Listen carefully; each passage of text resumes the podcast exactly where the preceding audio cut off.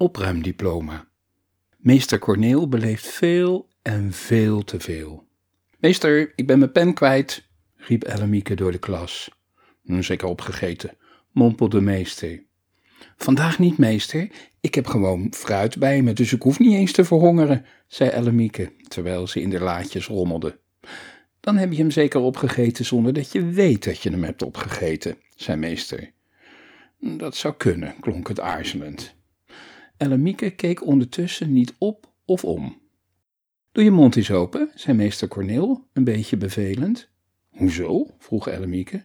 Nou, dan kan ik zien of er nog ergens splinters plastic achter je kiezen verborgen zitten. Ellemieke wist niet of meester een grapje maakte of niet, maar ze hield haar kiezen stevig op elkaar. Ellemieke was dus haar pen kwijt. Dat is op zich niets bijzonders, we raken wel vaker wat kwijt. Soms een gummetje, een andere keer een lijmpot of een liniaal. Soms een doosje nietjes of een paar punaises. Maar Ellemieke raakt altijd alles kwijt. Ze legt dingen gewoon ergens neer, maar ze weet bijna nooit wat ze waar heeft neergelegd. Stapel, krankjorum en mesjoggen worden we ervan. Meester ook. Hij spierde ondertussen een beetje geërgerd door het lokaal op zoek naar Ellemiekes pen. Neem deze maar, dan kun je tenminste aan de slag, mompelde meester. Ellemieke pakte meesters pen en begon te rekenen.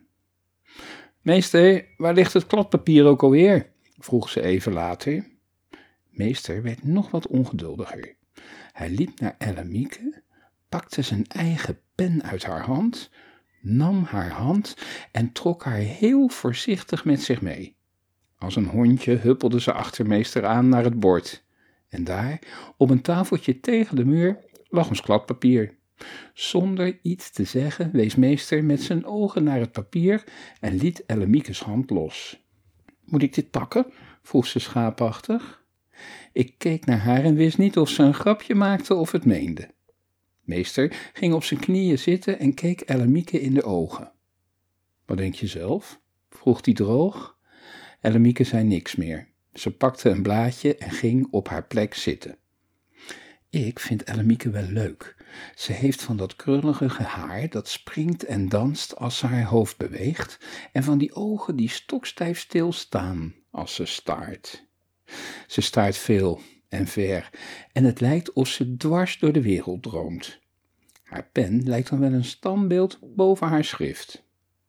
Meester Corneel zei er een paar dagen geleden nog wat over. Als deze klas een park in een stad was, dan was jij een omgekeerde ekster, Ellemieke. Jij staart naar glimmende dingen en je bent altijd alles kwijt. Meester liep door de klas en wilde opeens ook nog een taalles uitleggen.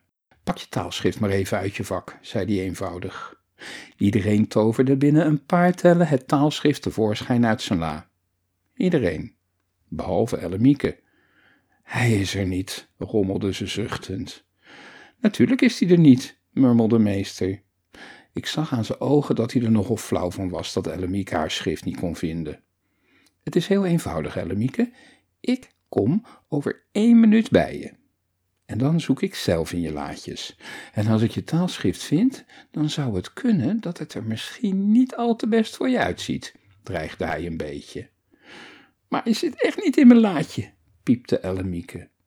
Ellemieke schoof wat met spullen, ze rommelde een beetje en verplaatste nog een keer wat. Dertien, twaalf, negen, zeven, drie, één, acht, elf, twee, vier, tien, vijf, zes, nul, telde meester Corneel. En wat niet weg is, wordt gezien, murmelde meester, waarna hij achter Ellemieke ging staan. Hij tilde Ellemieke met stoel en al van de vloer. Hij zette haar een meter naar achter. Vervolgens schoof hij de twee laadjes onder haar tafel helemaal open, zodat hij goed kon zien wat erin zat. Ik ging staan om te kunnen zien wat meester tegen zou komen. Hij schudde grijnzend en stilletjes lachend zijn hoofd, terwijl Ellemieke tegen zijn rug aankeek. Meester pakte als eerste een verkreukeld blaadje uit Ellemiekes vak. Het was de taaltoets die we twee weken geleden hadden gemaakt. Hij legde de toets op de grond. Vervolgens dwarrelden veertien lege kladblaadjes naar de grond. Daarna twee nieuwsbrieven van school. Vandaar dat je vader er niet was tijdens het ophalen van oud papier, zuchtte meester Corneel hulpeloos. Hij vond een brief over een typecursus en ook nog een stuk gekoude pen. Hij pakte kruimeltjes gum en liet het sneeuwend op de grond vallen.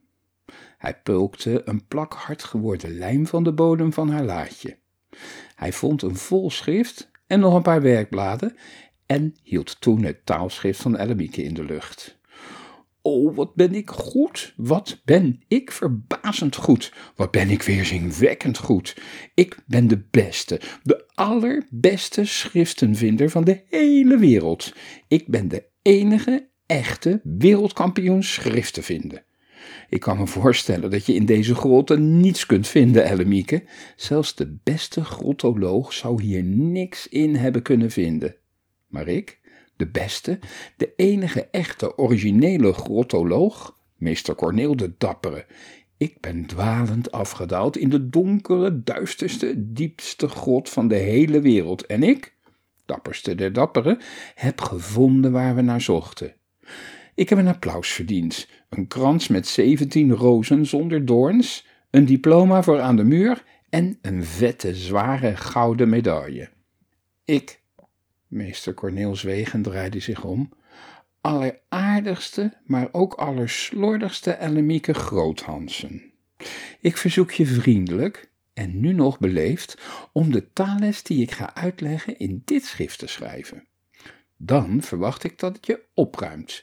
De spullen die van jou zijn, neem je mee naar huis. Ellemieke's krullerige springende haar danste toen ze heftig ja knikte. Ze schoof haar stoel aan en lette heel goed op tijdens de uitleg van meester Corneel. Toen ze aan het werk ging, kreeg ze een pen van Jarich, omdat ze de pen die ze daarvoor van de meester had gehad niet zo snel kon vinden. Aan het begin van de pauze gingen we naar buiten. Ik zag dat Ellemieke een plastic tas had gepakt waar ze alles in had gepropt wat meester op de grond had laten vallen. Om twaalf uur liep ze samen met Okkie de klas uit. De tas met spullen hing nog aan haar stoel. Ik zag dat meester het zag. Hij schudde zijn hoofd. Hij schudde nog een keer zijn hoofd. En nog een keer. En tot slot nog een keer. Hij glimlachte een beetje. Steen, ik ben bang dat Ellemieke dit jaar niet op typecursus gaat, zei hij tegen mij en zuchtte. Ik denk dat ik haar naar een opruimcursus stuur. En ik denk zeker te weten dat ze dan geen diploma gaat halen.